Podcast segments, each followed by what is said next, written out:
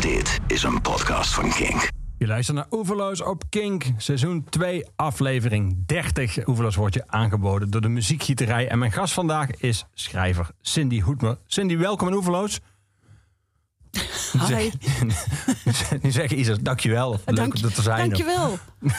Eh, welkom terug moet ik in jouw geval zeggen. Want ooit was je al te gast in Oeverloos op Kink FM. Wij dachten dat dat een jaar of tien geleden was. Het bleek pijnlijk genoeg 15 jaar geleden.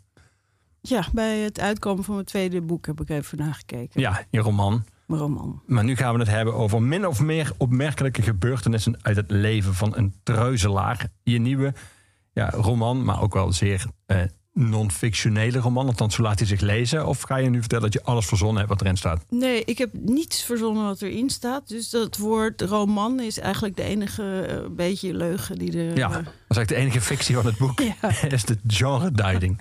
Ja. Die, die stukken in het boek, ehm, die zich laten lezen als één doorlopend verhaal, maar wel eh, als losse stukken ooit zijn begonnen, die, die heb je in eerste instantie gepubliceerd op Facebook. ja.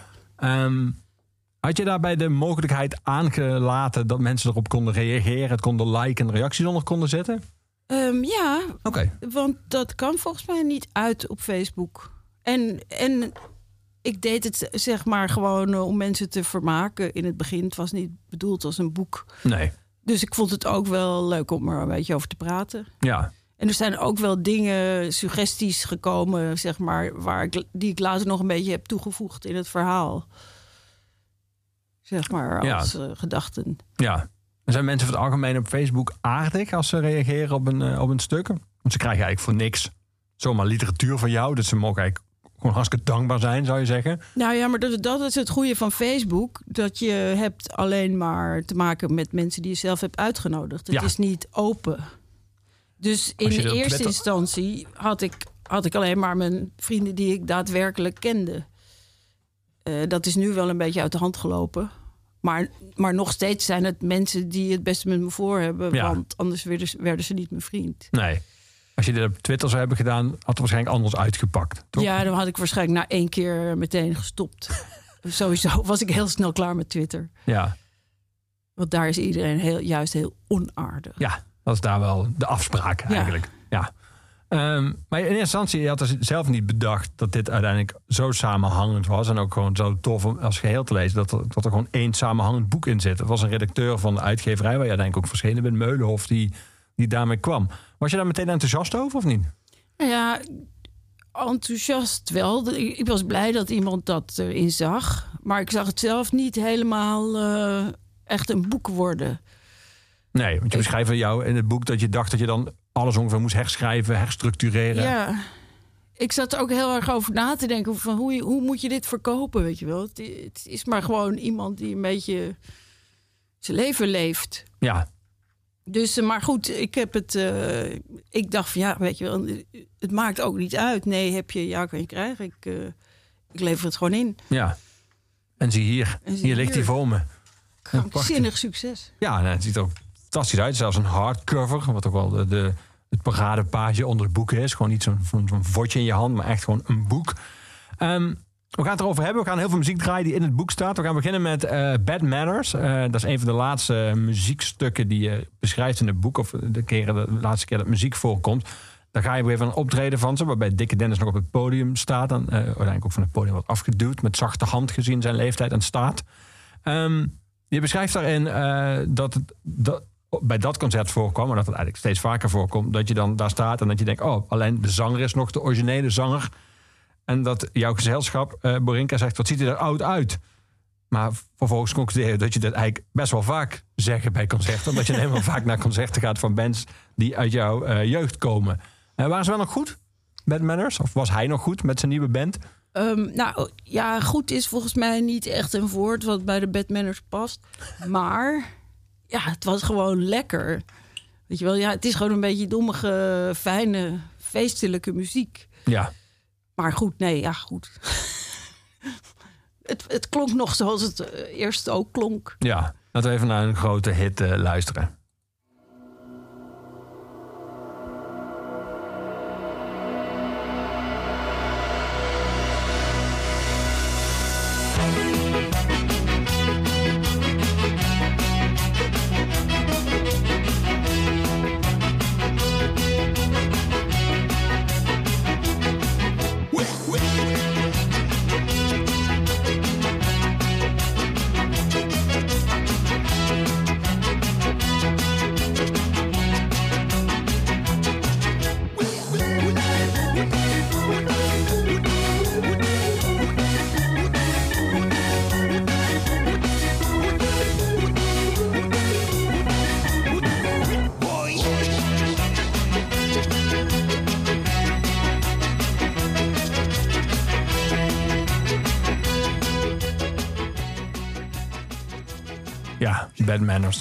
Grote hit.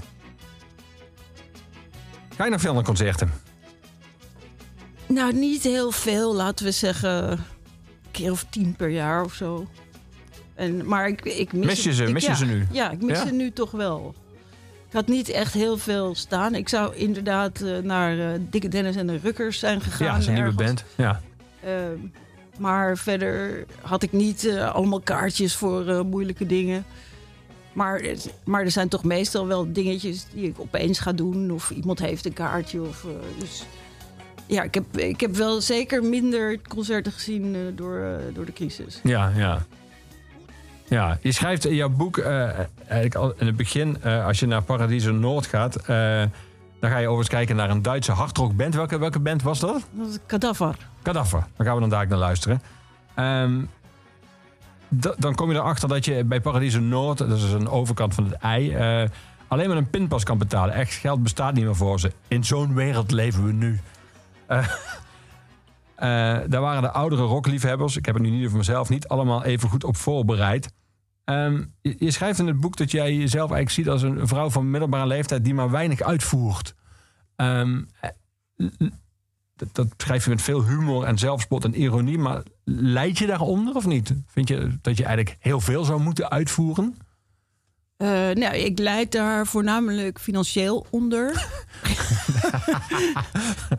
Ja. Maar ja, nee, het gaat. Ik zeg maar, als, als, het, he- als je geen geld zou hoeven verdienen, zou ik denk ik niet me rot voelen over dat ik niks doe.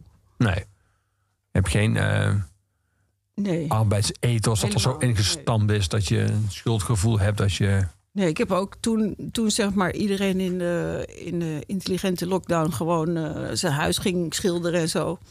Ja, deed ik gewoon nog steeds helemaal niets. Ik heb ook niet, ik heb niet opgeruimd of gesopt. Ik heb helemaal niks. En dat vond ik ook prima. Ja.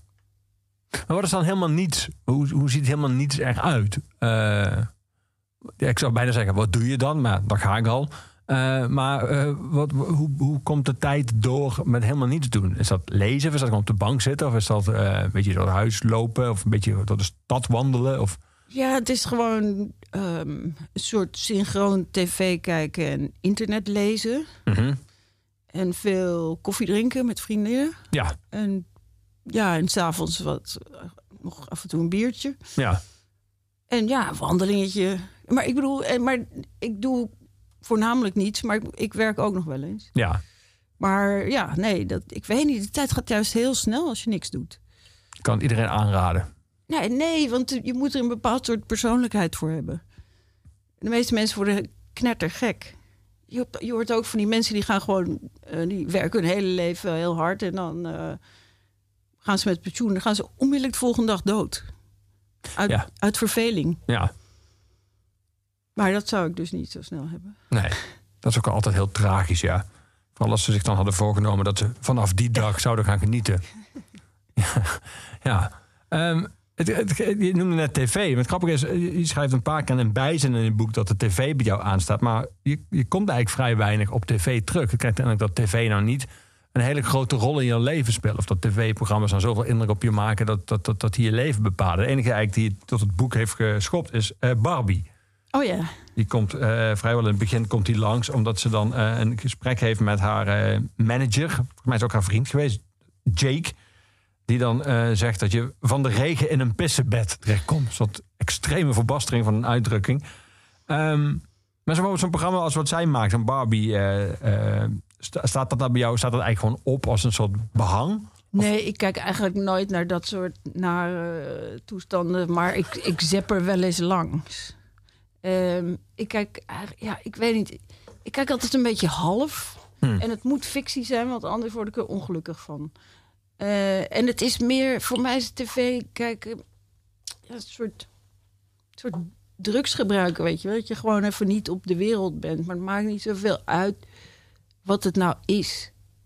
Als het maar gewoon niet de waarheid is of echt. Dus ik, kijk- ja, ik weet niet. Ik kijk gewoon ik Netflix heel veel. Ja.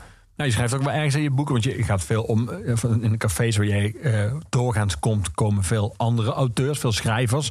Sommige van die schrijvers halen hun identiteit ook uit het feit dat ze schrijver zijn. En vragen als eerste vraag ook of jij ook schrijver bent. En dan is daar daarmee een soort connectie gemaakt of niet. Eh, en je, je lijkt je een beetje schuldig te voelen voor het feit dat je eigenlijk best wel weinig leest. Dat Ja. je Netflix eigenlijk af en toe gewoon fijner is dan een roman openslaan. Is dat veranderd? Als je nou kijkt naar jou, eh, zeg maar, als we, hebben elkaar 15 jaar geleden hier gesproken. Was dat toen bijvoorbeeld anders? Las je toen meer? Vroeger las ik heel veel, ja. Eh, ik weet, ja. Ik, weet, ik, ben ook, ik was vroeger ook een minder eh, apathisch persoon. Ik ben wel erger geworden daarin. En ja, nee, vroeger ging ik echt eh heel tijd boeken kopen. En eh, ja, wilde ik ook nog eens af en toe een, een knappe klassieker lezen of zo. En nu ben ik gewoon, ja, ik ga nu naar de boekpresentaties van mijn vrienden. En dan koop ik dat boek omdat het aardig is. En dan lees ik het ook nog. Maar eigenlijk, behalve dat, lees ik best wel weinig. Ja. Maar je zegt apathisch, maar vind je dan, ehm, zeg maar, is, is een boek lezen, zou je dat definiëren als actief en is naar een Netflix, naar een film kijken apathisch? Ja, ik, vind, ik Hm. denk wel dat dat beter is voor je hersens. Ehm, maar, de- maar het kost dus ook meer concentratie. Ja. Ja. Is het Netflix natuurlijk het punt dat als iemand je een Netflix-serie aanraadt, dat je er af en toe dan achter komt dat dat al zeven seizoenen loopt. En dat je dus 70 uur hebt in te halen. Ja. Eh, ben jij een binge-watcher, zoals dat heet? Ja, absoluut. En als, soms inderdaad, dan maak je de rekensom. Hoeveel, hoeveel dagen je hebt gekeken. En dan is het wel, ja, dan ben ik altijd, altijd wel geschrokken. Als je inderdaad zo'n ding hebt van, van tien seizoenen. Dat je, dat, ja, dat je dat vrij snel uit hebt. En dat je dan kan, kan berekenen hoeveel uur je per dag hebt gekeken. Ja. Dus eh, ja, ik, vind, ik bedoel, ik ben, daar ben ik nou niet echt heel trots op hoor. Aan de andere kant, weet je wel, mensen die eh, elke dag stofzuigen en de hond uitlaten, dat is ook heus niet zo nuttig. Een hond wel, stofzuigen niet. Ja. Ja. We gaan muziek draaien. We gaan de Queens of the Stone Age draaien. Die komen best wel vaak langs in jouw roman. Eh, maar dan niet de band zelf, maar een Queens of the Stone Age coverband... waar een vriend van jou inspeelt. Ehm grappig dat jij de term coverband gebruikt. Dat is best wel... Heel veel van die bands willen tegenwoordig tribute bands heten. Het cover is een soort vieze woord geworden. Het is een tribute band. En noemt gewoon coverband. Nee, ze noemen het zelf ook zo. Oh, wauw. Een van de weinige coverbands die nog coverband heet. Ja. Ehm, heel veel zalen, inmiddels zijn ze natuurlijk allemaal dicht, maar leven al een paar jaar van vooral coverbands. Het is een soort nieuw circuit waar heel veel, eh, waar ze soms alleen nog maar de zaal mee vol krijgen. Ehm, is, is dit een, een coverband waar je naartoe gaat omdat die vriend van jou erin zit? Of, of, of zie je jezelf wel vaker terug bij coverbands? Ehm, nee, niet vaak. Ik ga omdat er eh, nou ja, vrienden in zitten. Ja. Ehm, maar ik ben vroeger ook wel naar serieuzere coverbands geweest. Namelijk naar eh, iets van de Doors en Led Zeppelin. En ik vind het eigenlijk al, al vrij snel mooi genoeg. Weet je wel, je hoort gewoon die muziek. Het lijkt er vrij erg op. En, eh, ja, kan mij het eigenlijk rotten wie het eh, speelt. ja. Maar goed, dan kijk je naar het podium en zie je daar toch echt iemand anders staan dan Jim Morrison of eh, Robert Plant. belangrijk. Ik vind zelfs zo'n zo'n hardrock karaoke of zo, weet je wel. Dan staat er gewoon een, staat er gewoon een meisje die doet eh Axel Rose. Nou, prima. Doe je best. Ik vind het een mooi nummer. Eh, jij staat er te zingen. Er is een band. Het is goed genoeg voor mij. Ik Ja. ben niet zo purist. Nee. We gaan naar de. Gaan we het origineel draaien, als je het goed vindt. Van de Queens of the Stone Age, No One Knows.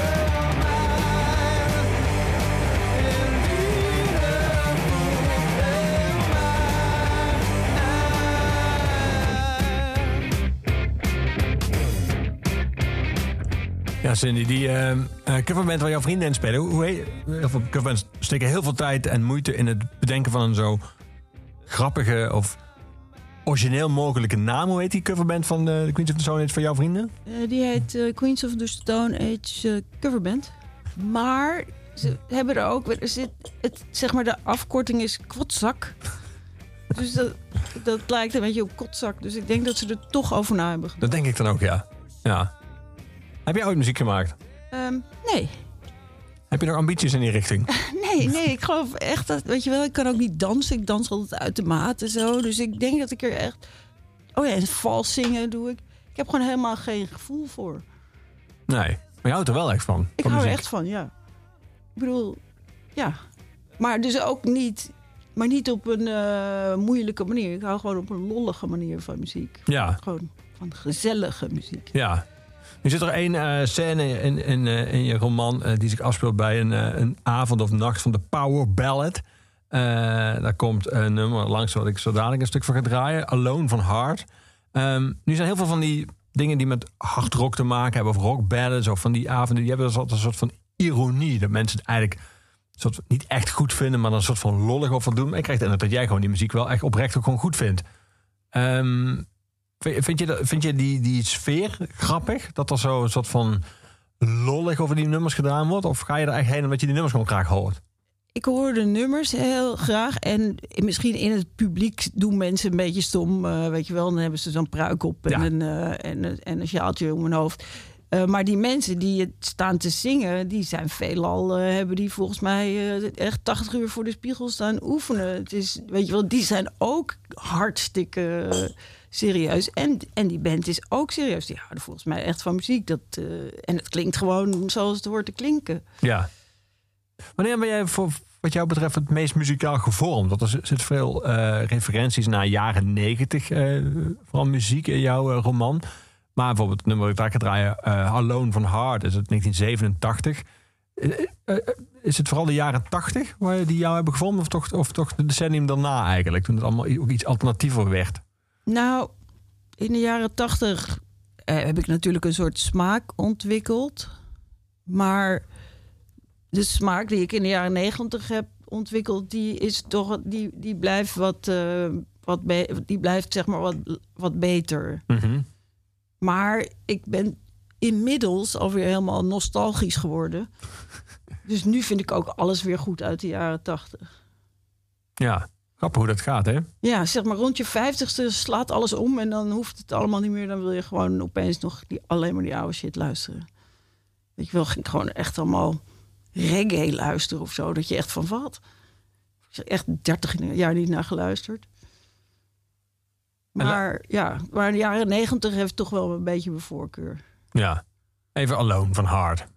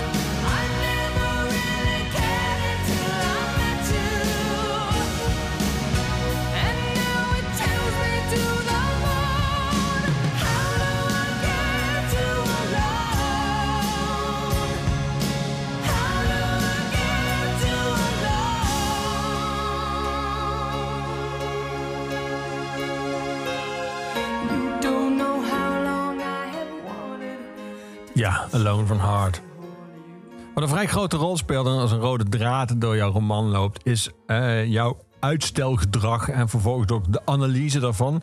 Eh, en vervolgens ook de poging om dat eh, op te lossen met behulp van een eerste lijn psycholoog. Ehm, Jij refereert een gegeven moment als je wordt uitgenodigd door een bevriend schrijver, Arthur van Amerongen, die onlangs nog op jouw plek zat waar je nu zit, ehm, eh, die jou uitnodigt voor een online dicté, waar je eigenlijk helemaal geen zin in hebt en dan tegenop ziet, maar ja, dan moet je afzeggen en dat stel je uit, dus dan denk, zit je er toch soort van in. Eh, dan vertel je dat je als kind heel slecht was in spelling. Eh, toch ben je heel veel gaan schrijven. Je bent columnist geweest voor verschillende bladen jarenlang. Je hebt nu eh, je, hebt twee romans geschreven. Nu is min of meer opmerkelijke gebeurtenis uit het leven van een treuzelader. Dus het lief, jouw liefde voor schrijven heeft daar kennelijk niet onder geleden. Nee, maar ik, weet je wel, ik, denk dat schrijven een beetje is dat je je goed kan uitdrukken of dat je goed onder woorden kan brengen wat je wil zeggen. Eh, dus eh, ja, en eh, kijk, het is, ik ben niet helemaal 100% dyslectisch. Het, het gaat wel. Maar ja, ik laat nog wel af en toe flinke fout zitten. Ik, ik ken ook schrijvers die, ja, elke, elke komma die ze neerzetten, die zit gewoon op de goede plek, weet je wel. En eh, die worden ook echt woedend als je er iets aan verandert. Nou, bij mij is het gewoon, ja, er zit een fout in. Maar het, het wordt steeds beter ook. Zeg maar, maar toen ik mijn eerste column eh, schreef voor Belvedere, nou, toen hebben die mensen het echt wel moeilijk gehad. Maar ja, ik bedoel, ik ben ook geen idioot. Ik leer gewoon dingen. Ja, Dus uiteindelijk kom ik een heel eind nu. ja, Maar ik vind dat ook helemaal niet belangrijk. En als op Facebook wel eens iemand me verbetert, zeg ik alleen maar dankjewel. En dan eh, weet je wel, voel ik me helemaal niet kut. Ik van ja, je begrijpt wat ik bedoel. Ik wil het liever goed opschrijven dan slecht. Maar eh, ja, kan een keer gebeuren. ja. Vond je vroeger lezen leuk als kind? Ja, ik was echt zo'n eh, zo'n boekenworm. Ik elke week vier, boeken, vier kinderboeken ging halen in de bibliotheek en zo. En al snel ging ik ook leuke volwassenen boeken lezen. Dus eh, nee, ja, dat, ik, eigenlijk het grootste deel van mijn leven heb ik wel heel veel gelezen. En schreef je ook graag, of niet als kind? Als je opstel moest maken of dingen die te maken hadden met iets op moeten schrijven of zo. Voor je spreekbeurt of wat dan ook. Vond je dat, vond je dat ook leuk? Ik vond het wel leuk, maar ik dacht niet. Het, ik, ik was geen enorme uitblinker in of zo. Ik bedoel, ik deed het heus liever dan eh, rekenen. Maar ja, ik denk, ja, nee. Nee, het was niet dat iedereen meteen van... oké, dat wordt een romanschrijver. Nee, het was, ja, was vrij, vrij doorsnee volgens mij. Ja. Wat wilde jij vroeger later worden? Weet je dat nog? In die tijd. Ja, nou, ik was eh, eigenlijk eh, al vroeg eh, vrij ambitieloos. Ik heb, ik, ik heb nooit iets weten te verzinnen. Toen ik heel klein was, wilde ik trouwen met een konijn. en daarna wilde ik boerin worden, maar toen kwam ik een keer, ja, toen kwam ik een keer op een soort op een eh, agrarisch pretpark, zeg maar, eh, Flevohof. En toen zag ik hoe dat er echt aan toe ging. Dat er eigenlijk toch wel behoorlijk veel dierenmishandeling bij kwam kijken. En ook heel veel poep. En toen dacht ik van, nou ja, maar niet. En sindsdien heb ik eigenlijk nooit meer iets verzonnen wat ik wel wilde worden. En nog steeds, weet je wel, ik, ik denk heel vaak van, ja, ik had alles anders moeten doen. Maar ik weet nog steeds niet hoe. Nee. Eh, Ik heb, ik heb niks. Het is wel een desastreus bezoek geweest aan een agrarische pretpark. Dat is gewoon alles. De grote ambitie is daar gewoon Ja, vernield. ja maar, maar gelukkig. Dat lijkt me geen leven bij nader inzien. Dat gedoe. En, en je moet heel vroeg voor op. Ja, dat is wel een vereiste. Dat, En dat, maar dat gedoe met die dingen die, die, aan die aan die koeien hun eiers hangt... dat is gewoon echt niet leuk. nee. Nou, misschien maar beter. Ik ga een stukje draaien van een eh, prachtig nummer van de nieuwe CD van Jacques Poels, van eh, de zanger van Robin Heze. De nummer heet Chauffeur. En het, ik moest eraan denken toen ik jouw eh, boek las. Want het gaat erover dat hij, toen hij op de lagere school zat, een opstel moest schrijven. En dat hij toen terugkreeg, omdat het woord chauffeur door hem met één F was geschreven. En toen moest hij het honderd keer opnieuw schrijven. En toen leverde hij het in. En toen zag hij net voor hij het inleverde dat hij het honderd keer met één F had geschreven. Heeft hij nog honderd keer een F'je ertussen tussen gezet. Het nummer heet Chauffeur met één F. Een stukje daarvan, Jacques Poels. Het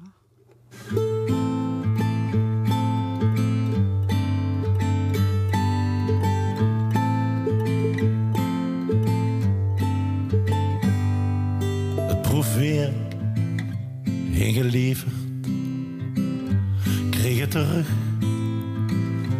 rode streep. Chauffeur met INF geschreven. Iedereen keek, de juf die reed.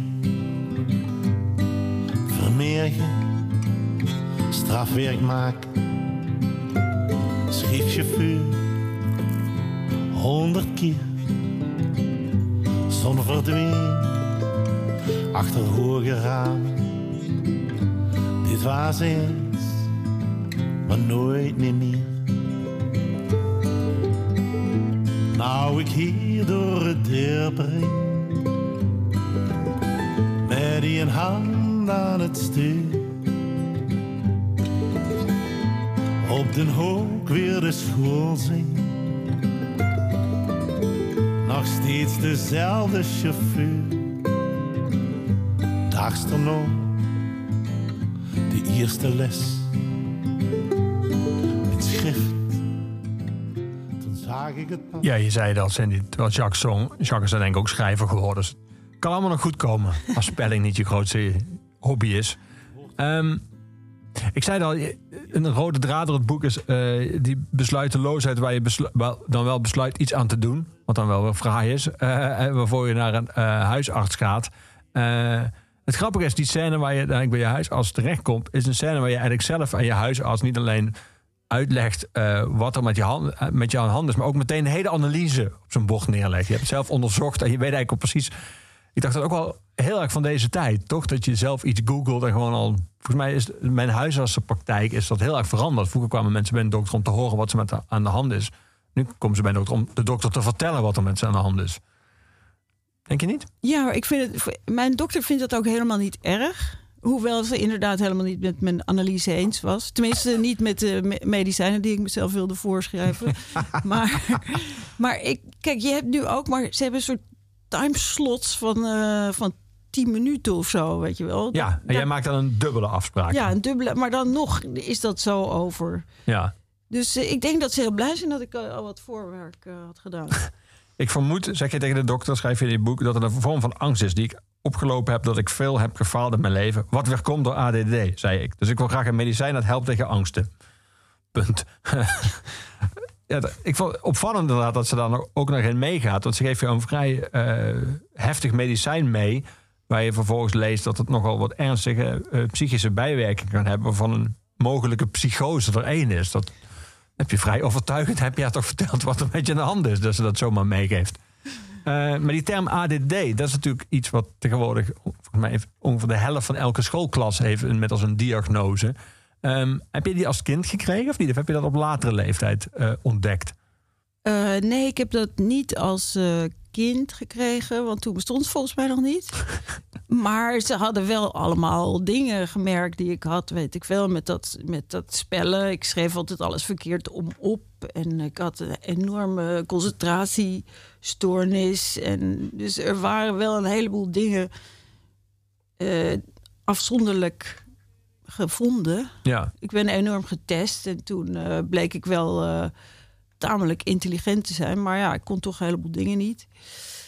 Eh, dus, dus ik zat een beetje wel met, met al, die, al die symptomen. Maar ja, ik heb daar zelf een beetje ADD van gemaakt. ja, Want ja, je, leest wel eens wat.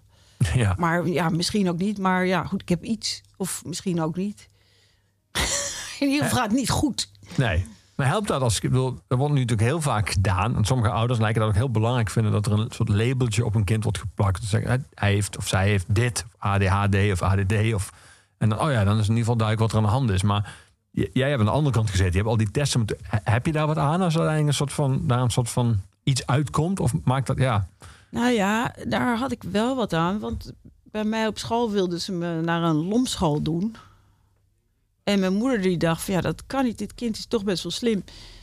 Dus die heeft het een beetje aangezwengeld. En daardoor volgens mij kon ik toch nog op mijn school blijven. Want ik kreeg een soort remedial teacher. Mijn moeder allemaal zelf geregeld.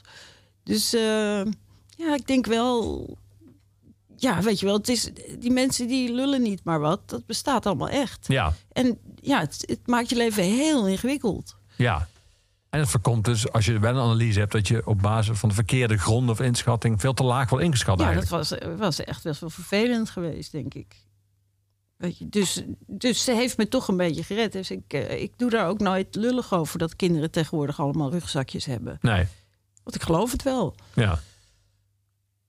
En eh, ja, ik bedoel, ik heb, er waren toen geen medicijnen voor. Maar in ieder geval ja, wordt er wat rekening mee gehouden. En ja, kwamen we er wel. Mhm. Ja. Wat was voor jou de, de belangrijkste reden om uiteindelijk eh, een afspraak te maken? Zelfs twee afspraken eigenlijk, van twee keer tien minuten. eh, bij de huisarts ook niets te doen aan die besluiteloosheid. Je zou ook kunnen zeggen, zo ben ik nou eenmaal. Zo ben ik al mijn hele leven. Dus ja, Jawel, maar het, het, soms wordt het, eh, heb ik ergere periodes. Ja, dan vul ik een paar jaar mijn belasting niet in. En dan heb ik een enorme berg met ongeopende post. En dan loopt het gewoon uit de hand. En dan, en dan wordt het heel eng en naar. Weet je wel, soms gaat het gewoon jarenlang goed. En dan krijg ik weer zo'n achterstand in dingen die ik zou moeten doen. En dan... En dan soms wordt het erg en dan wil ik wat aan doen. Maar het is op zich nog nooit gelukt om er iets echt aan te doen wat hielp. En die pillen tegen angst, die hielpen echt eh, totaal niet. nee. Dat was echt een heel slecht idee. Ik had wel heel veel eh, bijwerkingen uiteindelijk. Maar niet dat het hielp. Nee. En als je de Belastingdienst belt, die hebben altijd soort. eh, eh, m- leuker kunnen we die maken, makkelijker wel. eh, zijn die een soort van meedenkend als je ze belt? Dan zeg ik: Ik heb hier twaalf enveloppen liggen en kunnen we er misschien over praten hoe we dit oplossen? Of, of Nee, je krijgt gewoon die boetes en die moet je gewoon betalen. En dat lukt ook meestal wel. Eh, nee, die gaan niet. Nee, maar ik heb het ook nog nooit geprobeerd. Weet je wel, er komt altijd wel weer een, een eh, punt dat ik toch een boekhouder bel. En die, eh, die trekt me dan uit de modder. ja, En dan komt het wel weer goed. En dan betaal ik mijn boetes. En dan betaal ik mijn belasting. En dan, en dan is het weer over. Ja, Maar ik zou dat, nee, ik zou dat niet eh, met droge ogen als een, als een excuus kunnen gaan eh, opvoeren. Nee. nee. Maar wel eens soms. Als, soms staat er wel eens een deurwaarder voor de deur. En dat zijn helemaal niet altijd zulke afschuwelijke mensen. En dan zegt iemand van ja, maar waarom betaal je het dan niet? Kan je het niet betalen? Ik zeg, Ja, ik kan het wel betalen. Maar waarom betaal je het dan niet? Zeggen ze dan. Nou ja, omdat ik een uitsteller ben. en dan, weet je wel, maar dan hebben ze gewoon een apparaatje en dan, en dan maak ik het ter plekke over of zo. En dan, en dan ja, dan gaat dat. Dan snappen ze het wel. Maar ik ga, dat, ik ga ze niet opbellen om te zeggen van ja, ik luister eens. Ik ben eigenlijk ziek. Jullie mogen het me niet kwalijk nemen. nee. Op zich is het natuurlijk ook als je er eenmaal staat en je betaalt, is dat ook het einde van in ieder geval in zijn dossier het uitstelgedrag. Ja, Kan, Ja, je zelfs maar denken, dan, kan je zelfs denken, dat heb ik nu zojuist beëindigd, jouw uitstelgedrag. Ja, het is ook echt. eh, ik, ik ben ook gewoon opgelucht als zo'n man is geweest en ik heb het betaald. Ja, Dus dat is ook wel wat. ja. Dat is waarschijnlijk vervelender voor mensen die het geld niet op hun rekening hebben staan. Je zei net al, als je ouder wordt, ga je steeds meer eh, terug naar muziek van vroeger. Maar er zit ook muziek van nu ja, in jouw boek. Greta van Vliet, nieuwe band, een nieuwe rubband in ieder geval. Eh, da- da- daar vermeld je, eh, of daar beschrijf je een concert van. Ehm waren zij goed live? Ja, ik vond ze heel goed. Maar ja, het is ook toch weer wel nostalgie. Want Ja, het grijpt nogal nadrukkelijk terug. Het is niet erg vernieuwend. Weet je wel, ja, het lijkt gewoon op die oude shit. Dat is waarschijnlijk wat ik er aantrekkelijk aan vind. ja. Nu kwam me herinneren, 15 jaar geleden was jij nog heel erg fan van de Supersuckers. Eh die staan niet eens meer in jouw boek. Die heb je ook niet aangevraagd. Is die, is die liefde over? Ja, die is over. Daar zijn eh, twee redenen voor. Ehm, de ene reden is een beetje kinderachtig, maar eh, we gingen naar een concert in Spanje, ik en een paar vrienden. Want ik woonde daar en mijn ouders hebben daar een huis in de buurt. En toen dacht ik van nou, hey, mijn lievelingsband die komt daar. En dan eh, kunnen we daarna naar het huis van ouders. Ja, en toen, eh, nou, het concert was prima. Zaaltje, Spanje, leuk. En toen stonden we bij die zanger in de lift. En die keek ons zo afschuwelijk aan. Hij was zo onaardig eigenlijk. Dat ik dacht van, nou, weet je wel, kom op. Er staan mensen in de lift die eh, duidelijk voor je concert zeggen... je kan, je kan goedemorgen zeggen of zo. Ehm, oh ja, want het was in het hotel. Dat was misschien niet duidelijk. We zaten in hetzelfde hotel. Ja, maar niet omdat, we, niet omdat we stalkers zijn, maar gewoon Toevallig. omdat dat nu eenmaal zo was. Want het was vrij dicht bij die eh, venue. Nou, dus dat was gebeurd dat we al hadden geconcludeerd dat het gewoon eigenlijk een ongelooflijke chagrijnige lul is. Ook het, gaan, het oercliché is dat je nooit je helden moet ontmoeten. Nee, maar dat had ik ook altijd weten te vermelden, eh, vermijden. Ja. Maar ook eh, zijn teksten gaan eigenlijk ook allemaal over eh, hoe kut het eigenlijk is om, eh, om in een band te zitten. En hoe, hoe, hoe naar het is dat hij niet is doorgebroken en zo. En dan geeft hij altijd iedereen van de schuld. Ja. Dus dat was er. Eh, het was gewoon een, een nare man. Maar toen... En hij deed ook andere hele irritante dingen. Bijvoorbeeld had hij zijn kampeerbus in de prak gereden, zelf. En dan ging hij eh, crowdfunding doen. Nou, dat, dat vind ik gewoon belachelijk. Weet je wel? Waarom moet iemand anders voor, Ik voor jou... begrijp dat je niet gestocht hebt. Nee, voor jou een kampeerbus opdraaien. Weet je, wel. want dan heb je geen kampeerbus. Dus eh, dat vond ik ook al belachelijk. En inderdaad, we hebben een paar keer de podcast geluisterd. Nou, dat was super irritant. En, maar dit is een beetje zielig. Hij kreeg keelkanker. En, eh, en daarna was zijn stem heel onaangenaam geworden. Maar hij Oh. bleef wel gewoon door optreden. Maar je stem klinkt heel raspend. En eh, ook niet erg eh, hard meer. Dus de microfoon moet heel, heel, heel hard. Nou ja, en, heel veel volume verloren. Ja, de, de muziek overstemt het. En al die mensen waren uit die band gestapt. En waren allemaal stomme mensen voor teruggekomen. Vooral een, wat is de gitarist, denk ik. eh, Metal Marty of zo heet hij. Nou, echt ondraaglijke gast. En hij, nou, hij had ook een hele vervelende distortie op zijn gitaar. En hij zat overal doorheen te schreeuwen.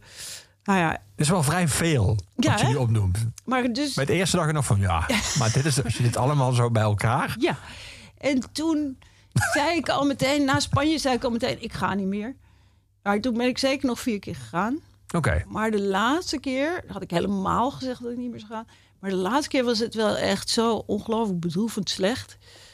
Nu denk ik dat ik echt niet meer ga. Want het was de laatste keer dan nog slechter dan die drie keer daarvoor. Nou, je- welke nummers ze deden. En, eh, ja, het, en- maar toen was het was ook een, eh, een voorprogramma deden ze van eh leuke Australische vrolijke rockband. Die zoiets heette als Airborne. Nou ja, Eh, en dat, nogal ACDC-achtige band. Ja. Wat voor, ja. Ja. Dus en toen zag ik ook zeg maar, dat, dat contrast van eerst eh supersuckers die daar echt met, met fri- frisse tegenzin zonder hun, hun dingetje stonden te doen. En daarna zo'n hele vrolijke, gezellige, energieke Gretige, band. ja, ja. Dat je echt van, oké, weet je wel, waarom, waarom kijk ik hier nog naar? Het is gewoon afschuwelijk. En dan Interessante vraag wel. Waarom kijk je nog naar? Waarom ga je nog weer? Is dat loyaliteit of is dat een soort oude liefde die niet roest? Of vind je ook dat ze wel dat ze een soort van tweede en derde kans verdienen omdat ze al zo lang met je meegaan? Wat, wat is dat? Nou, het is ten eerste peer pressure. Dus dat iemand anders zegt van kom op, we gaan, doe niet zo stom. Nou, dat. En het andere is, eh, ja, die nummers vind ik echt heel erg goed. En het is bijna net als een, als een karaokeband kijken, weet je wel. Je hoort de nummers. Ja, er staat wel een van de klootzak te zingen met een raspende stem. Maar het is nog steeds dat nummer. Dat gave nummer, ja. ja. Dus dat, eh, dat houdt me dan toch wel weer eh, op de been. Ja. Dat eerst, als het nou alleen dat eerste was geweest, die liftscène, zeg maar. Was dat, had je daar nog overheen kunnen zetten? Eh, Dat, dat iemand die je bewondert om zijn muziek een onsympathieke gast blijkt te zijn. Is dat, is dat funes of is dat nog wel een soort van te herstellen? Dat was nog wel ter. Maar dat gerasp van die stem en die vervelende gitarist er bovenop. En die, en die, en die houding. Ja. Nee, ja, dat ene was nog wel te doen. Maar weet je wel, ik, ik zou dan nooit meer in een andere stad dan Amsterdam gaan. Weet je wel, dan ga ik er ook geen moeite meer voor doen. Maar goed, alles bij elkaar is het nu gewoon eh, echt horror. Maar dan heb ik het weer gezien en denk weer, goh, dit was echt ontzettend slecht. Dan ga ik even op Twitter kijken of andere mensen dat nou ook vinden. En dat is op zich niet. ik en mijn vrienden zijn hier een beetje alleen in. Zijn die andere mensen dan misschien nieuwe mensen die niet weten hoe goed ze vroeger waren? Of zijn dat mensen die een soort van in ontkenning leven, omdat ze zo op een avond hebben verheugd dat je het, soms weet je iets ook gewoon goed vinden en wordt het daardoor ook een soort van goed? Ik denk nieuwe mensen. Hmm. Want ja, die wisten niet dat er eerst een soort, soort mooie stem in die man zat. Weet je wel, een, echt een hele aangename stem. En nu ja, ik je kan echt niet iemand verwijten dat hij keelkanker krijgt, maar je kan ook gewoon ophouden met optreden. Ja, is dat ook wel makkelijk gezegd dan gedaan waarschijnlijk als je al hele leven al optreedt. Maar goed, ik snap wat je bedoelt. We gaan naar Greta van Vliet draaien. De nieuwe belofte, de Robert Plant in een nieuw jasje.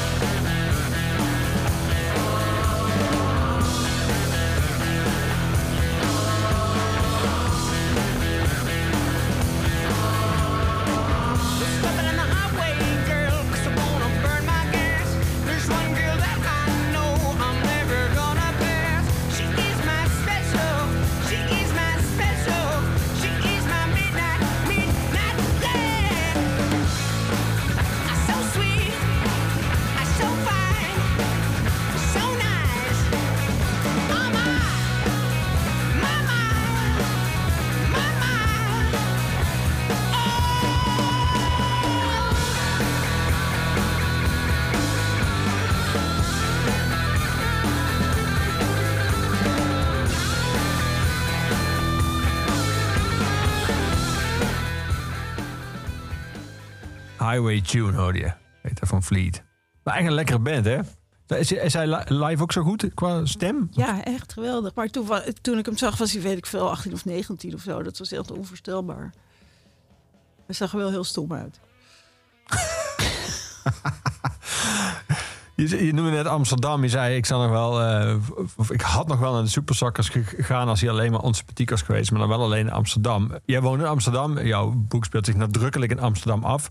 Eh, er zit veel liefde voor Amsterdam in. Eh, maar ook wel, je, je, je verzet je tegen de af en toe toch scheidlollige Amsterdamse humor. Eh, je bent duidelijk ook wel geïrriteerd door het enorme aantal toeristen in de stad en vooral hun gedrag. Je noemt de parade, maar inderdaad schrijf je ontzettend veel vervelende mensen op afkomen. Eh, en je woont zelf in het centrum, waar het elke dag feest is, waar ik struikel over toeristen die dronken of stonen op de grond liggen of met een piemel uit hun broek rondlopen. Ehm, is het een haat-liefde verhouding? Of is het wel nog steeds gewoon liefde, jij in Amsterdam?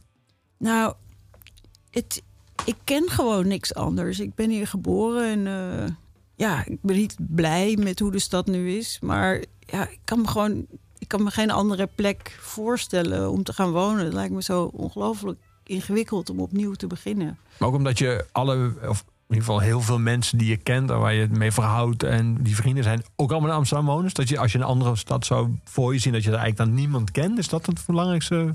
Ja, ik, ik heb inderdaad, mijn vrienden zijn allemaal behoorlijk eh, Amsterdams. Ja. Ehm, ja, dat en mijn ouders natuurlijk. Maar eh, nee, ja, ik kan het me niet voorstellen. Dus ik, ik, ik, ik snap wel dat mensen hier weggaan. Of eh, daar weggaan, want ik ben nu in Hilversum. Eh, ik snap wel dat mensen weggaan uit Amsterdam. Want het, is, het wordt gewoon steeds iets afschuwelijker. En ik moet zeggen, in die, eh, in die lockdown Ja. Hoe was dat dan in het begin? Want ik zag allemaal Ja. foto's langskomen van een Ja. volledig uitgestorven stad. Dan zag je mensen hoe mooi Amsterdam Ja, is. dat was dus gewoon geweldig. Ik bedoel, het is niet geweldig dat je niet met je vrienden kan hangen, maar het is wel geweldig om je stad zo te zien. Ja. En dan met name de wallen die echt voor, voor Amsterdammers zijn. Dat is natuurlijk zo. Die, die- niemand gaat daarheen. Het is gewoon eh, de hel. Ja. En nu was het een, gewoon een prachtige oude buurt. Die maar een heel klein beetje lelijk was. Namelijk door de geveltjes van al die seksshops en al die nare toeristenwinkels. Maar als je een beetje daar doorheen keek, was het gewoon, is het gewoon prachtig. En het is gewoon zonde dat zo'n gebied helemaal verloren is. Ja. Had je toen even het idee of de hoop wellicht dat dat ook zo zou blijven? Of dat we in het begin van die lockdown dachten heel veel mensen... misschien is het ook wel het begin van een nieuwe tijd... en gaan we ook allemaal veel minder vliegen... en gaan we ook bewuster met onze omgeving om... en is het massatoerisme afgelopen... en nu lijkt het eigenlijk gewoon voor een heel groot deel weer terug. Ja, ja ik hoopte dat. En eh, dat vind ik dan toch altijd weer schattig naïef van mezelf. Nou, je stond in ieder geval niet alleen in die naïviteit. Want is het inmiddels weer terug zoals het was voor de lockdown? Ja, echt helemaal. is niks veranderd vergeleken met voor, zeg maar, pre-lockdown. Nou ja, qua eh, hoe de mensen op straat lopen, niet echt. Maar ja, in de kroeg is het natuurlijk rustiger. Ja. Eh, ja, maar de sfeer is, weer, is gewoon weer zo als het was. Schreeuwerige, uitgelaten sfeer. Ja. Want op zich kunnen niet alle toeristen, althans de, de samenstelling van de toeristen die terug zijn, kan niet hetzelfde zijn. Er zijn heel veel landen die nog steeds niet uitreizen mogelijk maken. Dus bijvoorbeeld Amerikanen kunnen er niet zijn. Nee, er zijn volgens mij veel Duitsers, eh, s- en eh, Fransen en ik hoor ook veel, hoe heet dat? eh, ja, nee, ijzeren gordijn. Oost-Europees bedoel Oh je? ja, oh ja, zo heet het. Ja. Dus Pools waarschijnlijk of Ja, Hongaars. of, zoiets. ja. Of Russisch, ik- je Ja. kan het echt niet onderscheiden. En hoe, hoe- wat zijn jouw gedachten daarover? Is dit gewoon zoals het dan kennelijk nu is in Amsterdam en ook blijft? Of heb je hoop dat, oh, dat die stad nog een soort slag kan maken om die stad wat terug te winnen voor de bewoners? Of, eh, of is dat echt naïef om dat te denken dat dat nog kan? Ja, ik denk niet dat dat gaat gebeuren. En ik, het was leuk toen ik het heel even dacht. Weet je wel, en dan- kwam ik langs al die stomme hotels en dacht ik, haha, jullie gaan er allemaal aan. Maar ja, ze zitten nu weer gewoon vol. En het zijn er echt heel erg veel hotels. Ja. Absurd. Dus eh, ja, nee, ik had het echt wel aardig gevonden als het een beetje, zeg maar, laten we zeggen, eind jaren negentig rustig werd ja. het hoeft ook weer niet van mij zoals eh, midden jaren tachtig. Want dat was gewoon ook niet leuk. Dat was heel naar en, en grimmig. Ja, je beschrijft in je boek als er af en toe nog zo'n junk langskomt. de- Hij is een herinnering op in de jaren tachtig. Dat toen Amsterdam, nu is het nog een soort van bijna een soort curiositeit. Als er nog iemand zonder tanden om geld loopt te beden. Maar er was natuurlijk een tijd dat dat heel erg de stad bepaalde. Ja, het was echt, het was, eh, het was heel, ja, ik vond dat ook niet leuk, weet je wel. En, en toen was Toen woonde, je, overal, toen woonde je ook al in de binnenstad? eh, nee, toen woonde ik denk ik nog thuis. Tot, nou ja, tot op zekere hoogte. En in de pijp heb ik gewoond. Maar die was dan ook heel anders. De Ja. pijp. Ja, maar die, wa ja, die was wel een beetje beter dan nu. is gewoon een beetje normaler. Eh, maar de binnenstad, ja, dat, eh, tenminste, de wallen en zo, dat was gewoon heel eng. Ellendig. Ja. Maar toch, ondanks dit alles, is het jouw stad. En is het een stad waar je van houdt. Zit Ja. dat alleen maar dan in het feit dat het bekend is voor jou? En dat je er heel veel mensen kent? Of zit dat ook wel in gewoon iets anders van de stad zelf? Nou ja, kijk, het, het heeft mijn karakter gevormd. Dus, de, dus het is voor mij gewoon een soort nulpunt, weet je wel. Ik heb er niet voor gekozen. Ik kan het ook niet benoemen, want ik ben Amsterdammer. Mijn ouders zijn Amsterdammer en mijn grootouders waren ook Amsterdammers. Het is gewoon een soort natuur. Ja. Maar ik zou het wel zeker merken als ik ergens anders ging, ging wonen... dat mensen toch anders op reageren of zo. Denk ik. Ja, Ja. ik ben echt nog nooit meer dan één dag in een andere stad geweest. Echt Ja, al- wacht, tot twee dagen in Groningen of zo. Zo. Oh ja, en een keer een weekje in Rotterdam. Het grappige is, alleen een Amsterdammer zou zoiets kunnen zeggen. En dan ook gewoon ermee wegkomen. Met zo'n ongelooflijk, eigenlijk toch feitelijk hele provinciale houding. Ja maar, ja, maar nu ga ik waarschijnlijk heel stom klinken. Maar Kijk, als jij in, eh, in een kleine stad eh, wordt ge- geboren of in een dorp, dan, dan is je ambitie waarschijnlijk om naar een grotere stad te gaan. Maar ja, ik ben al zeg maar naar. Je bent al bij de, fin- bij de finish geboren. ja. Weet je wel, er is het verder niet iets. Ja, nee, nou, nu klink ik gewoon als een hele stom in Amsterdam. Maar er is gewoon niet iets beters. Kijk, Rotterdam is leuk. Maar ja, dat is ook. Ja, het is gewoon een stukje is gebombardeerd geweest. Dus dat is niet meer zo fraai. Maar terwijl, weet je wel, het heeft ook andere dingen. Maar het zou gewoon heel raar zijn om van Amsterdam naar Rotterdam te verhuizen. Ik bedoel, wie doet zoiets? Nou, best wel veel mensen. Ik lees, Oh, waar? vorig jaar was er een stuk in de Volkskrant over de populariteit van Rotterdam als nieuwe stad voor Amsterdammers. Die, net als jij eigenlijk met alle argumenten die je zojuist noemt. De drukte, toerisme, het is mijn stad niet meer enzovoort. Zo'n nieuwe start maken en dan achterkomen dat in Rotterdam eigenlijk veel meer gebeurt. En dat het veel spannender is en, veel, eh, en dat er ook nog veel meer mogelijk is. Omdat er natuurlijk gewoon veel meer ruimte is bijvoorbeeld. Eh, dat die vertrutting waar Amsterdammers zich aan storen, dat die daar veel minder bestaat. En die waren allemaal heel enthousiast, die mensen. Ik eh, stoor me niet zo aan die vertrutting. Hm.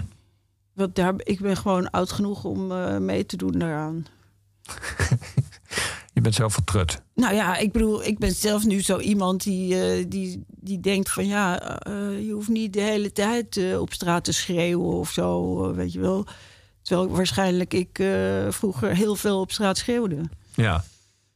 Vermoed, nou ja, of weet je wel, iets meer dan nu. Ja.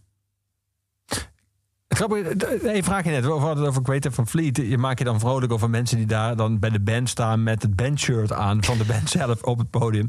Eh, ben jij altijd een bandshirt koper geweest of niet? Heb jij heel veel, eh, als ik in jouw kast zou kijken, dan, kan ik dan zien welke concert je allemaal geweest bent? Eh, nee, nee, nee, ik, ik, nee, dat eh, heb ik altijd een beetje, een beetje kinderachtig gevonden. Zelfs toen je jonger was. Ja, ik heb best wel weinig bandshirts in mijn leven gehad. Oké. Je hoeft ook geen super sucker shirt weg te gooien. Nou. Nee, nee, Nee. nee. We gaan muziek draaien. Ik ga wat hip-hop draaien. Er zit ook hip-hop in je boek. Oude hip-hop, nieuwe hip-hop, Dr. Dre en Kendrick Lamar. Laten we eens beginnen met Kendrick Lamar, met Humble. Nobody pray for me. It been a day for me. Yeah, yeah. Remember syrup sandwiches and crime allowances. Finesse a nigga with some counterfeits, but now I'm counting this. Parmesan with my accountant lips. In fact, I'm down in this. You say with my boo babe tastes like Kool-Aid for the analyst. Girl, I can buy your Westie world with my base stuff. Ooh, that pussy good. Once you sit it on my taste buds, I get way too petty once you let me do the extras. Pull up on your block and break it down. We playing Tetris. AM to the PM, PM to the AM phone. Piss out your per diem, you just gotta hate them funk. If I quit your BM, I still rock Mercedes funk. If I quit this season, I still be the greatest funk. My left stroke just went viral. Right stroke put a baby in a spiral. Soprano C, we like to keep it on the high note. It's levels to it, you and I know. Bitch, be humble.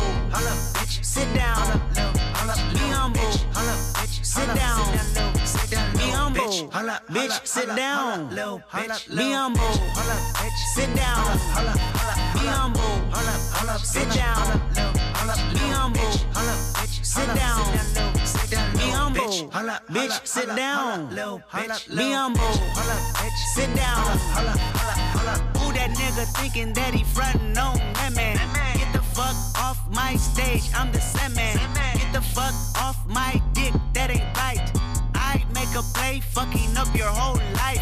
I'm so fucking sick and tired of the Photoshop. Show me something natural like Afro Show me something natural like ass with some stretch marks. Still a take you down right on your mama couch in polo sock. Hey, this shit way too crazy. Hey, you do not amaze me. Hey, I blew cool from ACA. Obama just page me. Hey, I don't fabricate it. Hey, most of y'all be faking. Hey, I stay modest about it. Hey, she elaborated. Hey, this that great poop on that AV on that TED talk. Hey, watch my soul speak. You let the meds talk. Hey, if I kill a nigga, it won't be the alcohol. Hey, I'm the realest nigga after all. Bitch, be humble.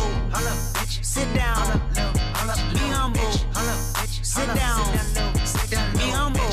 Bitch, sit down. Be humble. Sit down. Be humble. Sit down. Be humble. Sit down. Be humble. Bitch, sit down. Be humble. Sit down.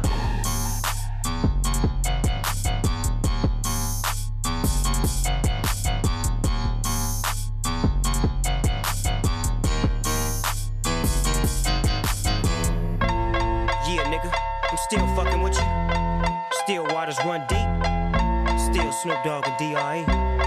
Nah, nah, nigga. Guess who's back? Still. Still doing that shit, Andre? Oh, for sure. Dre Day, nigga. AK, nigga. Though I've grown a lot, can't keep it home a lot. Cause when I frequent the spots that I'm known to rock, you hear the bass from the truck when I'm on the block. Ladies, they pay homage, but haters say Dre fell off. How, nigga, my last album was The Chronic. They wanna know if he still got it. They say raps change. They wanna know how I feel about If it. you ain't up on things. Dr. Dre is the name, I'm ahead of my game. Still puffin' my leaf, still fuck with the beats. Still not loving police. Uh, uh. Still rock my khakis with a cuff and a crease. Still got love for the streets, reppin' 213.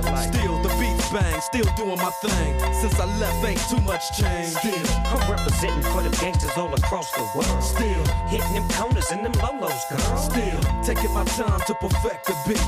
And I still got love for the streets. It's the I'm representing for them gangsters all across the Nou. Kendrick Lamar hoorde je. Dr. Dre samen met Snoop Dogg komen allebei langs in een nieuwe roman van Sidney Hoetmer. Komt ook iemand langs die heel erg op Snoop Dogg lijkt. Eh, waar je dan even voor de duidelijkheid bij zegt dat je dat niet van iedere lange, slungelige, enigszins stoonde zwarte man denkt.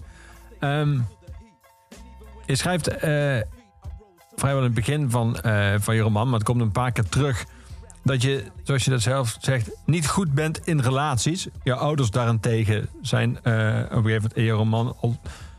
Jij denkt 50 jaar, maar blijkt al 52 jaar samen. Eh petje af hoor, jongens, zeg je dan uit de grond van je hart tegen je ouders... die toevallig die dag net ruzie met elkaar hebben. Wat ook wel gaaf is dat dat ook gewoon kan. En dat ze, je, vader en ik hebben ruzie, vertelde mijn moeder enigszins ten overvloede. Nou, toch gefeliciteerd, zei ik en nam een slok van mijn koffie. Ehm, waarom ben je niet zo goed in relaties?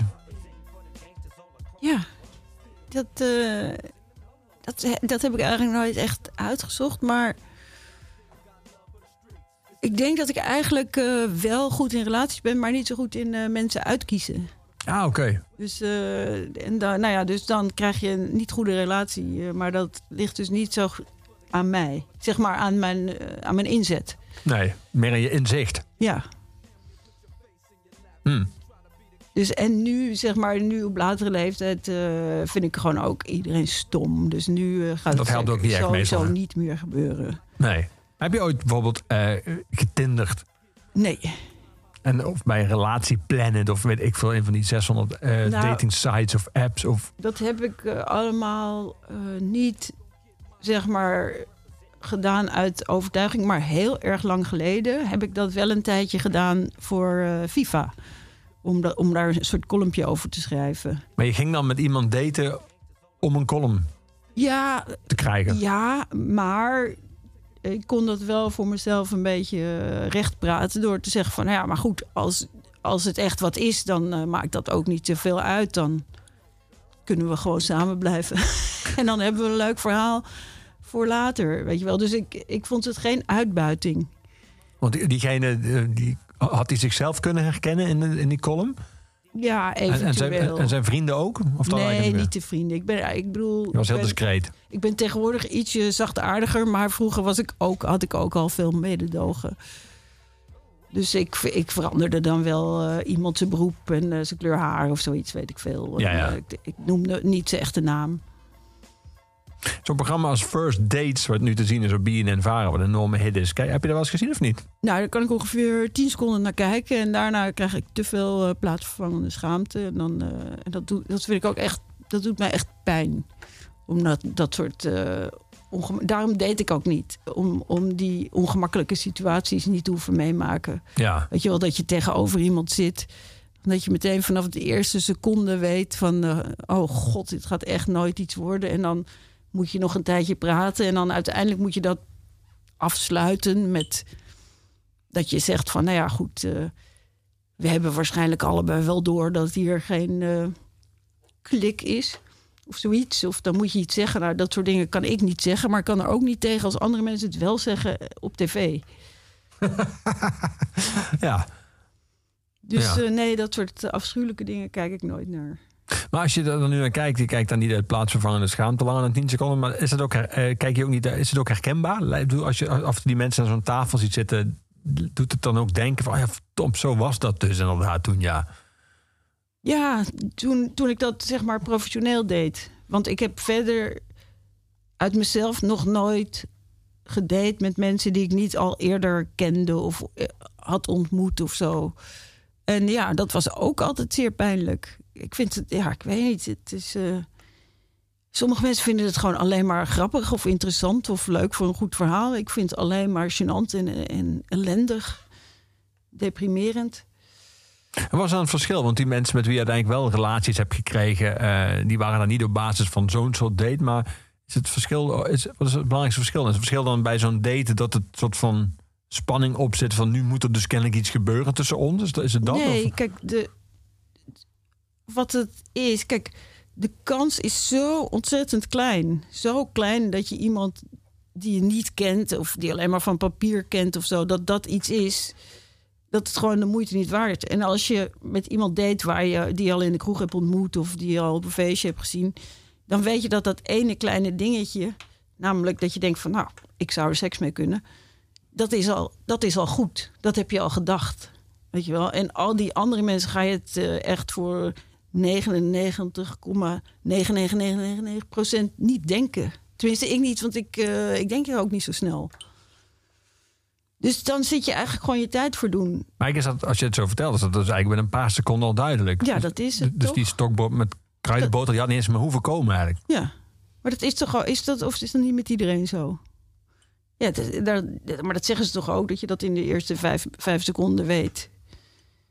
En ja, ik, Ik, zou speeddate zou je dat nieuwe Ja, dimensie nou, kunnen dat geven. heb ik ook gedaan toen in die serie voor de FIFA. En Hmm. ik, ik moet zeggen, kijk, er komen niet de meest eh, opwindende mensen op af. Maar je weet het wel snel en het is wel veel efficiënter dan zo'n heel gesprek via app. Of, eh, en, dan, en dan uiteindelijk elkaar ontmoeten en dan voor niks komen. Terwijl, ja, dat speeddate, ja, je weet gewoon meteen. Hoe lang duurt een speeddate? Ja, iets van een paar minuten. Eigenlijk nog te lang. Nee, dat was wel. Ik vond dat best wel leuk. ik zeg maar, als dat in een, in een ruimte vol met leuke mensen zou zijn, dan zou ik er nog wel wat in zien. Maar ja, ja. Zeg maar, er komen best leuke vrouwen op speeddaten af, maar niet per se leuke mannen. Hmm. Dus eh, nee, maar dat is nog wel een. Maar dat, ik vond dat ook nog wel een soort uitdaging om dan eh, in die paar minuten een leuk gesprek te verzinnen. En het was ook wat minder. Weet je wel, het woog wat minder zwaar, want ja, je, je moest iemand wel na een paar minuten verlaten, weet je wel. Het was niet. eh, je kon niet langer blijven zitten, want dan moest iemand anders op die stoel. Ja, je kon altijd ook zeggen, ik had nog uren met je willen Ja, praten, maar helaas. Ontzettend gezellig, nou doe de, de klok tikt. ja. Je zei net, het ligt eh, vooral dan ken ik aan, eh, niet zozeer aan dat ik slecht ben, zoals je in je boek schrijft, in relaties, ligt vooral aan de keuzes die ik heb gemaakt. Maar val, val je dan op door eens foute mannen of val je gewoon op voor jou foute mannen? Ja, ik, ik val denk ik op van die, van die beetje depressieve, zeikerige mannen. Wat, dat is allemaal heel vermoeiend. Zijn er veel van? Nee, niet zoveel. Oké, dat is ook nog een niche. ja, maar ik weet ze altijd nog wel te ontdekken. Ja. En eh, weet je dat dan ook al snel? Je zegt bij daten weet je dat eigenlijk snel. Weet je al snel bij een relatie? Nee, dan kan ik nog best wel een tijdje heel optimistisch eh, doorploeteren en denken van, ach nee, dit komt allemaal goed. Het wordt hartstikke leuk. Kijk, net zoals met de superzakkers. Dat je Ja. dan nog vier keer gaat. En, Ja. ja. En nu? Heb je dat bij neergelegd nu? Of eh, hoop je dat er op een dag gewoon Nee, een, nee, maar een ik- hele leuke, zagrijnige, depressieve man toevallig Nee, de kroeg binnenloopt? Nee, dat, ik hoop dat helemaal niet. Helemaal niet, nee. Eh, want ik vind, ik, heb, ik vind zeg maar al heel lang dat er ongeveer evenveel voordelen als nadelen aan zijn. Dus dat alleen zijn heeft een heleboel voordelen en nadelen. En En het samen zijn ongeveer net zoveel. Ja. Dus dan denk je, ja, wat, waar zou ik me eigenlijk druk over maken? Wat vind je het grootste voordeel van alleen zijn? Eh, nou ja, dat je met niemand rekening hoeft te houden. Weet je wel, dat je gewoon altijd kan eten waar je zin in hebt. En eh, kan doen waar je zin in hebt. En, en, en ik heb een beetje de neiging... Kijk, weet je wel, ik, ik vertel het wel dat ik een niks nut ben... die de hele dag niks doet. Maar als ik dan een soort van aan het daten ben of zo... Ja, dan vind ik dat eigenlijk toch wel beschamend. En dan, weet je wel, dan heb je zo'n zo'n gast die dan eh, stuurt je zo'n appje elke dag van... ja, wat ben je aan het doen? En dan moet ik de hele tijd elke dag niks zeggen. En dan denk van ja, dan ga ik toch bedenken dat ik meer moet doen. Zodat ik niet niks hoef te antwoorden. Nou, dan ben je niet meer jezelf. Dan ben je een beetje jezelf aan het kwijtraken. Ben je meteen aan het... Ja, een soort acteren. Dus dan... Ja, dus dat, dat vind ik ook altijd heel veel werk. Ja. Wordt het ook moeilijker, denk je? Als je langer alleen bent, ehm, ben je ook steeds meer gewend aan doen wat je zelf leuk vindt en niet rekening te houden met een ander. Wordt het denk je dan ook moeilijker om op een wel rekening te houden met een ander? Dat Ja. je, gewoon, dat Ja, je wat compromislozer wordt of wat vierkanter of zo, of gewoon wat meer. Ja, ik zie het gewoon zoals je jong bent, ben je een soort van eh, een soort gas. En dan eh, word je zeg maar steeds meer vloeibaar. En dan, als je oud bent, ben je gewoon een soort vaste stof waar eigenlijk geen beweging meer in te krijgen is. Een blok cement. Ja, soort, weet je wel. En dan, en dan gaat dat hele dat aanpassen is dan gewoon ontzettend moeilijk geworden. Terwijl, weet je wel, als je jong bent, dan kan je nog helemaal meegaan in andere mensen hun eh, eigenaardigheden. Maar hoe komt dat denk ik? Komt dat omdat je eigenlijk dan ook nog niet zo goed weet wie je zelf bent en ook dus jezelf eventueel kwijtraakt zonder dat je dat doorhebt, omdat je nog helemaal niet gedefinieerd hebt wie je bent? Of Ja, omdat je nog, je bent nog niet echt iemand. Je bent nog van alles. Je hebt mogelijkheden. Het is nog niet uitgekristalliseerd. Mhm. En nu ben ik gewoon iemand die heel veel dingen vindt. En, en heel veel dingen, weet je wel, stom vindt van mensen. En ja, dan gaat het gewoon niet meer zo. ja. Je, bent, ja, weet je, je, gaat ook, je, je neemt ook niks meer van mensen. Als mensen heel stom doen, denk je van, nou ja, goed, fijn. Dan niet. Dan nee. Ja, ja. En als je dan bijvoorbeeld kijkt naar je ouders, je schrijft, ze komen natuurlijk in het boek regelmatig terug. eh, als je bij ze langs gaat, ehm, die, die hebben decennia hebben ze het met elkaar uitgehouden, echt heel lang. Eh, dus die hebben ook compromissen moeten sluiten, maar waarschijnlijk hebben ze ook heel veel momenten hebben ze, of vinden ze zelf heel veel voor teruggekregen. Of ehm, zit, daar, zit daar wel een soort schoonheid in, vind je? Of kijk je er alleen maar en denk je, nou, dit wil ik dus niet. Nou ja, kijk, ik heb ze ook enorm eh, zien worstelen. En eh, in het begin van hun relatie, of tenminste, ja, voor zover ik ze kende. En, en ik denk dat ik dat nooit zou doen, zo lang worstelen. Nou, weet je wel, als je kinderen hebt, is het misschien wat, Mhm. wat ingewikkelder om meteen op te stappen. Maar nee, ik, ik had het er niet voor over gehad. Ze zijn nu heel leuk en al lang, maar eh, nee, ik had al die strijd en die ellende nooit eh, ervoor over gehad. Nee. Het ging zegt- echt niet goed vanaf het begin. Je zei net in een, in een tussenzinnetje, eh, als, als je dan voorstelt dat iemand jou en de dag daarna weer en de dag daarna weer, wat heb je gedaan? En je zegt dan niks, dat je een soort van schaamt.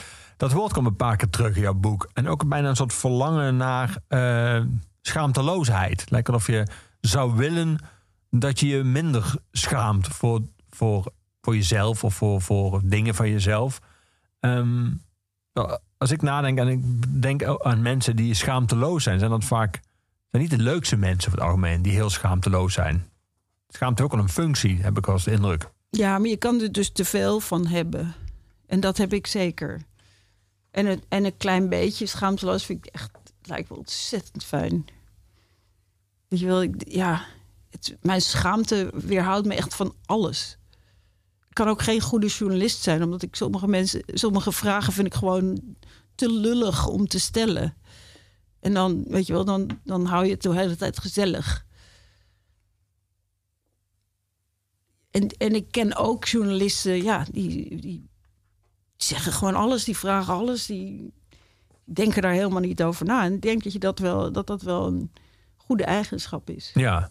Maar wat is het dan? Is het dan dat je het zelf, bijvoorbeeld in dit voorbeeld, als je het over journalistiek hebt, vind je het dan zelf gênant een bepaalde vraag te stellen? Of ben je dan bezig met wat die ander van je zal denken als je die vraag stelt. En dat je dat dan heel belangrijk vindt. Nee, ik, ik, niet wat ze van mij zouden denken, maar ik vind het gewoon naar om iemand een, eh, een ongemakkelijk gevoel te geven. Weet je wel, dat, dat wil ik dan niet. Maar ja, nee, ja, schaam, ja, schaamte. Het is inderdaad, het is ook nuttig, Maar gedoseerd. gedoseerd. Ja. Ik heb er zeker te veel van. Ja. We gaan even een nummer draaien eh, van eh, Mark Ronson samen met Amy Winehouse. Die komt eh, in jouw boek langs. Valerie. Althans, hij komt langs in een soort verminkte versie op een avond waar een cover van een cover van een cover van dit nummer wordt gespeeld. Wat voor avond was dat? Ik weet het niet meer. Weet je niet meer? Waar, waar... De Holland Club Oh, met je ouders. oh, met mijn ouders. Ja, verdomd. Ja, dat was goed. Ehm, Waar ook Toto werd gedraaid.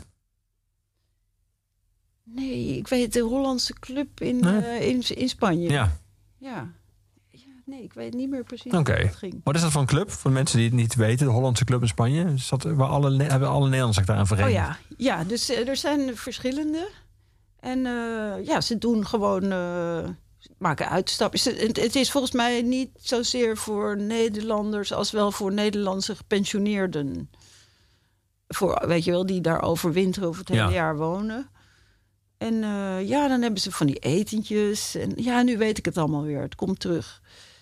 Het was een, het was een coverband die het speelde, Ja. waarschijnlijk. Ja. Maar niet zo goed als jouw Queens of the Stone Age cover band van jouw vrienden. Nee. Je ouders overwinteren dan niet, hè? Die hebben gewoon een huisje om af en toe naartoe te gaan. Nou ja, ze overwinteren wel een soort van. Oké. Ze gaan wel, een groot deel van het jaar zijn ze er. Maar ze komen ook nog wel eens in Nederland. Ja. Zou je dat later willen of niet? Zo'n deel van het jaar eh, gewoon ergens anders naartoe en dan gewoon een soort van... Of zou je dan een beetje hetzelfde probleem hebben als je, dat als je zou verhuizen? Ja, ik kan. Ik, kijk, mijn ouders zijn met z'n tweeën. Dus dan is het al meteen iets minder eh, vreemd. En eh, ja, zij zijn, ook, zij zijn veel minder zeikerig met welke mensen ze wel en niet willen hangen. Weet je wel, daar zijn ze vrij gemakkelijk in. eh.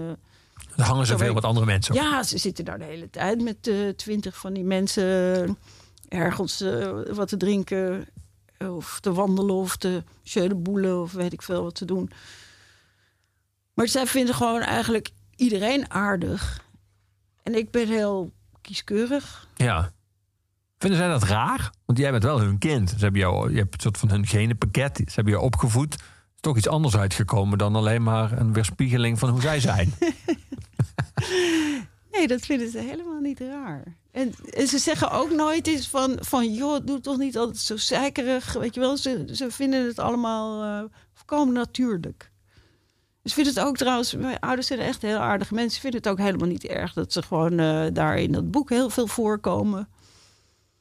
Nee, want je noemt je vader bijvoorbeeld heel rechts. Die is voor Ja. kernenergie en eh, tegen het communisme. En eh die hebben- ongeveer om de tien pagina's eh, deel je aan het sneer uit naar het kapitalisme. Nou, dat heb je ook niet van je vader zo te lezen. maar dat vond hij allemaal leuk. Ja, vindt hij helemaal prima. Maar ik bedoel, hij zegt het ook echt. Het is niet eh, verzonnen. Maar ik bedoel, hij zegt het wel altijd uh, binnenshuis. En eh, weet je wel, verder eh, afficheert hij zich toch als een eh, keurige volkskrantlezer. En dan thuis zit hij een beetje eh, wat, eigenaardige dingen te vertellen. En, eh, maar dan vindt hij dus niet erg dat dat eh, zomaar in een boekje komt. Nee. Even dat nummer draaien. Wat eh, gedraaid had op een van die avonden in Spanje. Door die coverband. eh, van een coverband van een coverband. Van, eh, en die spelen dit nummer Valerie. Met eh, Mark Ronson samen met Amy Winehouse. Hi, it's rolling. I'm sorry, Charlie Murphy. I was having too much fun.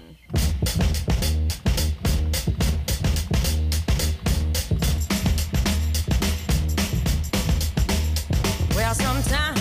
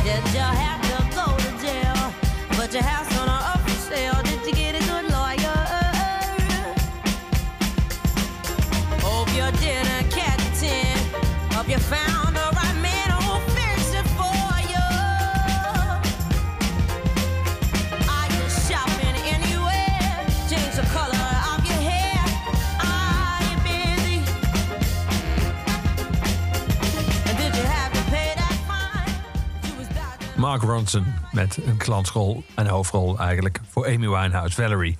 Ehm, je zei dan in het begin, Cindy, je hebt twee eh, romans geschreven. Hier staat op de cover staat roman, maar het is eigenlijk eh, zeer non-fictioneel. Eh, de min of meer opmerkelijke gebeurtenissen uit het leven van een treuzelaar. Ehm, je doet in je boek een beetje, nou in ieder geval laconiek over die romans in de zin van dat je erop wijst dat ze niet zo succesvol waren. Maar heb je ze toen wel met plezier geschreven? Of niet? Vond je het tof om aan fictie te werken? Of vind je dit eigenlijk nu veel leuker? Nee, ik vond het eigenlijk heel leuk om te doen. En ik vind het nog steeds hele leuke, vrolijke boeken. Maar ja, weet je wel, dat, eh, er werd gewoon niet zo goed op gereageerd. Dus daarom doe ik er altijd een beetje laconiek over. Maar ja, het is, het is heel grappig om fictie te schrijven. Omdat je, ja, je creëert iets wat, eh, wat zomaar een beetje uit de lucht gegrepen is. Wat helemaal niet hoeft te bestaan. En eh, ja, maar het is dus moeilijker. Ja, En dus eventueel iets minder goed gelukt dan mijn, dan mijn huidige boek. ja. Je schrijft in, in dit boek dat je heel veel aanzet hebt gedaan al die Ja. jaren naar boeken. Eh, wa- wa- wanneer besloot je, besloot je meestal te stoppen? Nou, meestal al nou, een pagina of drie of zo. Want ik wilde steeds een beetje beter zijn dan mijn eerste boeken. En het bleef steeds maar precies in datzelfde niveau hangen. En dan dacht ik, ja, nu heeft het ook geen zin. Ik had wel beter verder kunnen schrijven en dan zeg maar later een beetje stilistisch kunnen oplappen. Maar ja, zo'n doorzetter ben ik dus niet. Nee. En dit? Beviel dit? Want dit is eigenlijk voor de mensen die jou kennen van je columns en BLVD of eh gastcolumns. Of je hele lang heb je een column gehad, een nieuwe revue. Dit pas eigenlijk stilistisch. Dus dat eh, past het jou perfect, zou je kunnen zeggen. Ja, maar dit heb ik ook eigenlijk niet echt geschreven. Eh, Ik ben er niet voor gaan zitten om het te schrijven. Ik heb gewoon elke dag een heel klein stukje geschreven met een ander doel. Dus toen kreeg ik ook wat minder eh, faalangst en zo. Omdat het, ja, weet je wel, het doel was één heel klein stukje. En niet één heel geweldig eh, goed boek. Dus dan, dan gaat het gewoon vanzelf. En daarom is het denk ik ook wat, wat beter. Ja. Kijk, dat is dat de manier. Je zou alleen een manier vinden om jezelf de volgende keer dan Ja, te hypnotiseren. wijs te maken dat het geen Ja. boek wordt. Want Ja. dat kun je natuurlijk maar één keer doen. Daar ben ik ook bang voor. Ja. Wat je net zei over je vader, die vond het heel grappig dat hij erin staat. Ook helemaal niet erg dat hoe je hem opvoert. Maar ehm, veel mensen die, je- die je in het boek beschrijft, die staan er met een eigen naam in. Die, zijn, die komen uit de Nederlandse journalistiek of eh, literaire wereld.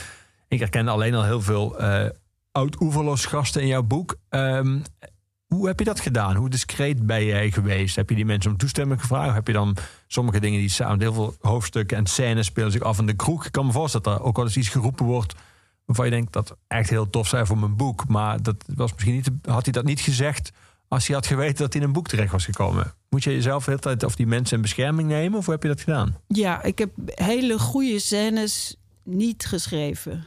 Omdat, ja, ik wil niemand te kakken zetten, weet je wel. Dat is niet mijn, eh, mijn doel.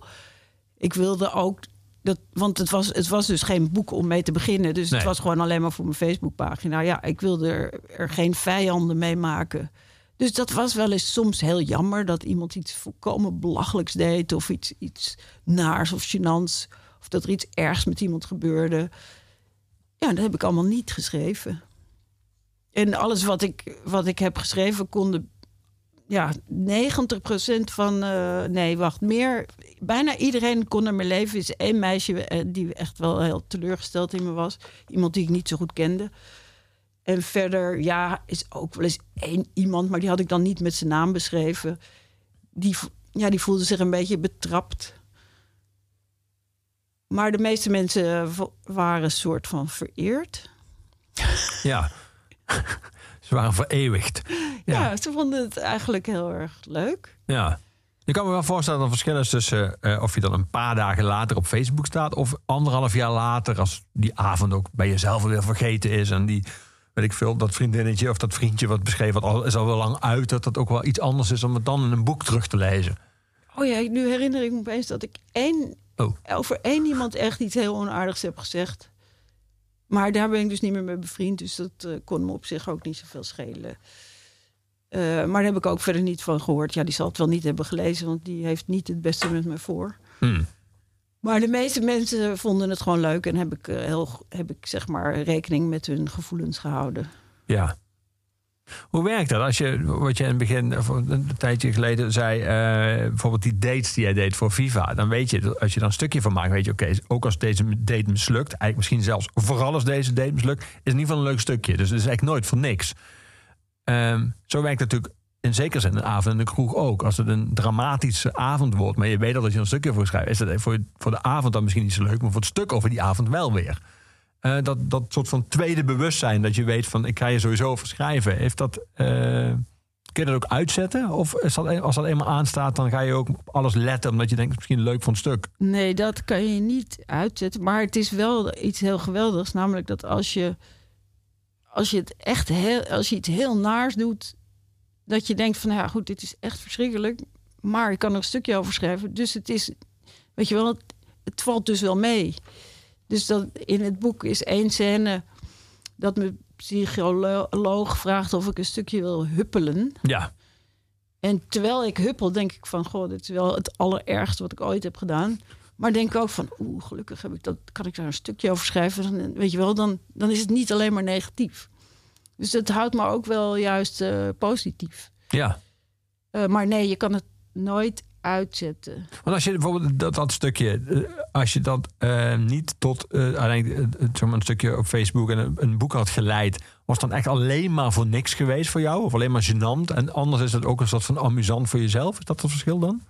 Ja, want ik, eh, weet je wel, ik ben ook nog iemand die graag een eh, anekdote vertelt in de kroeg. Dus dan kan je daar dan wel weer wat mee. Dus allemaal, alle afschuwelijke dingen die ik meemaak, die probeer ik toch een beetje aangenaam te vervormen naar een, naar een gezellig kroegverhaal. Ja, Dus dat heb ik nog wel. Dat heb ik altijd. Dus het is niet alleen maar het opschrijven. Het is ook het navertellen. ja.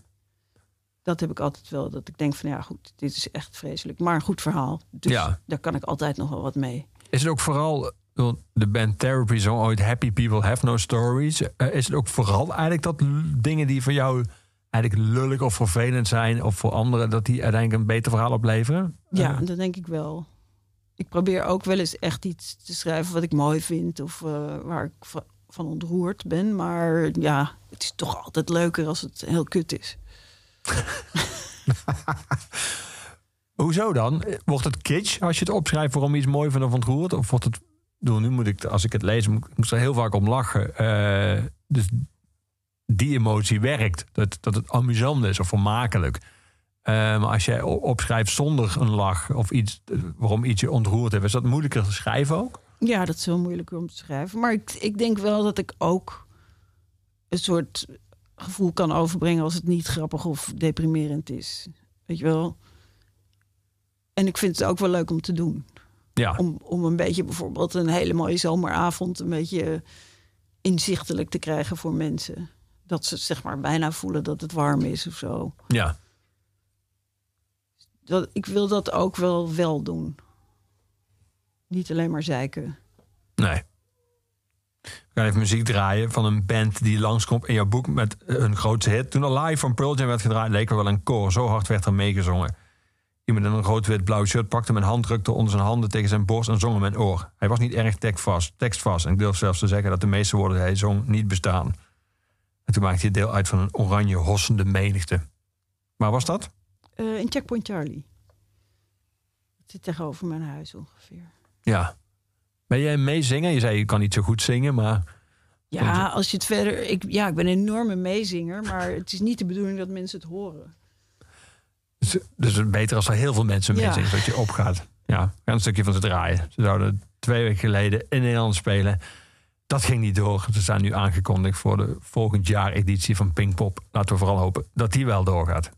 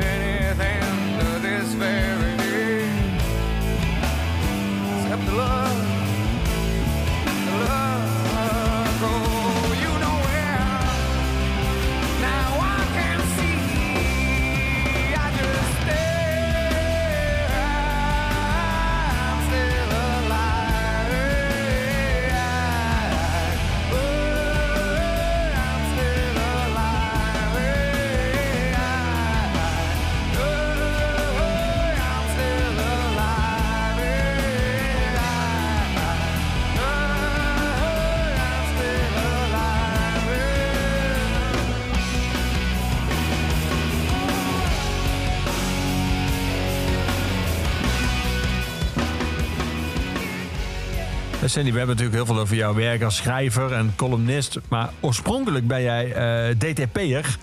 Ehm, je, schrijft weer even, want in, beschrijf in het boek dat je eh, al een tijdje eh, niet gewerkt had als DTP'er. En dat je toen opeens bij een uitzendbureau een eh, vacature zag. Want dat was voor een paar weken, voor zes weken van DTP'er die verpakkingen kon, eh, kon maken. En je beschrijft hoe, hoe dat ging en dat je vervolgens een, eh, een, een enorme fout maakte. En dat je toen in plaats van op het matje werd geroepen, moest je een soort van in een gesprek proberen te reconstrueren hoe je dan tot die fout gekomen was, om daarvan te leren. Eh, ik vond het een hele amusante scène, maar ook wel aangeven hoe de manier van in een bedrijf werken in al die jaren is veranderd. Je wordt niet gewoon eruit gegooid, maar we gaan, je gaat eigenlijk samen zitten om daar eens over te hebben hoe dat heeft kunnen gebeuren. En dan kun je er hopelijk van leren. Ehm, heb je veel rare baantjes gehad in jouw leven of niet? Nee, best wel weinig. Eh, ik heb eh, meeste, meeste baantjes waren gewoon net in semi-grafische bedrijven. Zeg maar het meest. Ik heb wel eens bij de bioscoop gewerkt. Dat was dan nog een beetje raar. Wat moest je dat ik doen? echt jong was. Ja, de kaartjes weg- verkopen? Ja, nee, de wegwijzen. Hoe heet dat? Oefreuzen. Oh, oké. de echte, u zit op rij 2, stoel 4. Ja, en met zo'n kekke zaklantaarn. Oh ja. En ijsjes in de pauze verkopen. En nog wel, ja, horeca, maar daar ben ik dus helemaal niet geschikt voor. Waarom niet? Ehm, ja, omdat ik een beetje chagrijnige uitstraling heb. En eh, ook ben ik niet erg efficiënt. Zagrijnige uitstraling werkt niet voor je verhogend. Nee ik. het, is, nee, en het is gewoon, ja, mensen vinden dat dan eh, niet gastvrij of zo. Je hebt geen gasvrij hoofd. nee. Ja. Terwijl je wel een horeca dier bent. Want je komt graag in zeg maar, cafés. de andere kant van de bar vind ik wel. Ja, eh, Ja. Ja. Maar ja, nee, ja. Je wel, ik snap, ik zou mijzelf ook niet graag achter een bar zetten. Maar er je hebt ook wel cafés waar mensen nog chagrijniger zijn dan ik. en dat vind ik ook prima. Ik heb er zelf, ik hoef, van mij hoef je niet zo eh, servicegericht eh, over te komen. Ik vind het ook gezellig als je gewoon een, een klootzak bent, maar die wel een goed biertje kan tappen. Ja. Wat, vond je dan, wat heb je daarvan geleerd toen je er even zes weken lang als DTP'er werkte? Was het een soort bevestiging van dit wil ik, zou ik nooit permanent meer willen doen? Of? Nee, nou, ja, weet je wel, er zijn waarschijnlijk bedrijven die niet zo, ehm, niet zo stijfjes en hiërarchisch zijn als dat bedrijf. En het was, ik weet niet, de hele omgeving was een beetje droevig. Maar nee, dat zou, ik zou best graag een baan willen hebben. Het lijkt me heel eh, rustgevend als je gewoon weet dat je, dat je zoveel dagen per week eh, ergens werkt en er ook geld voor krijgt. En dat je op, op vakantie kan. En Ja, dat klinkt allemaal heel goed. Maar het betekent natuurlijk ook dat je bij de koff- koffieapparaat moet vertellen hoe je weekend was. Dat je vaste collega's hebt, bedrijfsuitjes, kerstborrel. Ja, ik vind het altijd Taart jammer, dat ik geen kerstborrel heb. Ik voel me altijd extra eenzaam als ik mensen bij, bij de bushalte zie met kerstpakketten en zo. Dan denk ik altijd van, nou, dat wil ik ook. Ik wil ook gewoon normaal leven. Maar ja, het zit er gewoon niet zo in. Maar nee, ik ben niet zo iemand die dat dan heel stom vindt, eh, kerstborrels en, eh, en bedrijfsuitjes. Juist als freelancer ben ik altijd, vind ik het altijd heel droevig dat ik niet mee mag. Ik heb echt wel eens gehad dat ik eh, zat over te werken als freelancer. En dat, eh, en dat zeg maar die, die vaste medewerkers die hadden een barbecue. En niemand kwam vragen of ik ook een satéetje wilde. Ik zat tot tien uur door te werken. En ik rook de hele tijd die geur. Ja, klinkt ook, dat klinkt ook gewoon niet als mensen waarmee je mee wil barbecuen. Nee, inderdaad. Mensen, Dat, waren, dat, was echt, dat was echt mijn akeligste freelance baantje. Maar goed, maar je, maar je bent altijd een beetje de vreemde. ja, de buitenstaander. Ja. Of half in ieder geval. Ja, en ik, ja, weet je wel, en ik ben ook al een beetje eigenaardig persoon. Dus dan eh, is het, he- duurt het helemaal lang voordat mensen je een beetje. Ja, dat schrijf ik in het boek. Hè, dat het eigenlijk meestal mensen je wel aardig vinden, maar dat duurt enige tijd. Dat is meestal precies de periode waarin je al weer weggaat. Ja, Ja. Heb je de smaak helemaal terug te pakken nou, of niet? Van eh, het schrijven op deze manier. Als het op deze manier werkt. Zonder heel veel druk, zonder dat je... Gewoon nou, ik schrijf nog wel die stukjes. Ehm, maar dat komt eigenlijk omdat ik nu... eh, ja, ik heb een enorme shitload eh, nieuwe Facebook-vrienden. En dan denk ik de hele tijd... Ja, weet je wel, dat ik toch een soort circusaapje ben... die dan nu nog steeds dat eh, trucje moet doen. Dus dat doe ik als meer als een soort uit plichtsbesef. Ehm, eh, ja, en nu denk ik ook wel van ja, ik kan heus ook wel weer een, eh, een roman schrijven. Maar dat is toch alleen maar bij die gedachte gebleven tot nu toe. Nou. Eh, ja, maar ik zou het, ik zou het. Oh ja, en ik dacht laatst eh, dacht ik een filmscript te schrijven. Oké. Het lijkt me een goed idee om de vrouwelijke Big Lebowski nu eens te schrijven. Nederlandse vrouwelijke Big Lebowski. Eh, ja, ook niet, ben ik ook niet enorm ver meegekomen. Maar dat kan nog. Alles kan nog.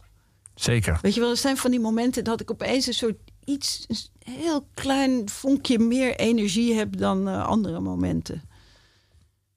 Dan doe ik wel eens wat, weet je wel. Dan kan ik iets schrijven of misschien eh, een muur witten. Ja. En misschien kun je al die uit plichtsbesef geschreven stukken uiteindelijk weer bundelen en samenbrengen tot een samenhangend boek. Ja, inderdaad. Want ik heb ook wel weer wat dingen meegemaakt die, dan, die ik niet heb opgeschreven, maar die wel op zich de moeite waard waren. Maar dan een beetje voor een ander moment. Ja. En je weet nu ook wat het kost je dus gemiddeld één vriend ongeveer zo'n boek. Dus dat is nog Ja. wel een redelijke overzichtelijke tol, toch? Ja, want ik heb er echt honderden, duizenden. Ja. En het zijn natuurlijk niet de leukste mensen die afvallen. Dank je wel dat je er was, Cindy. Ik hoop je sneller hier terug te zien dan over 15 jaar.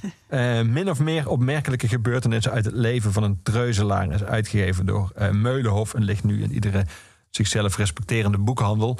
Je luistert naar Oeverlozen elke week te horen op eh, Kink en tot het einde der tijden terug te horen als podcast via alle streamingplatforms en de Kink app, in Kink app en de Kink site. Oeverloos wordt je aangeboden door de muziekgieterij en het laatste woord van iedere Oeverloos is aan onze postuum huisdichter Luc de Vos. Het laatste nummer is altijd van Gorky. En ik vond dit het meest toepasselijke nummer eh, passend bij eh, het boek. En natuurlijk gewoon bij jou, Cindy. Dit is Gorky met Ik Doe Mee.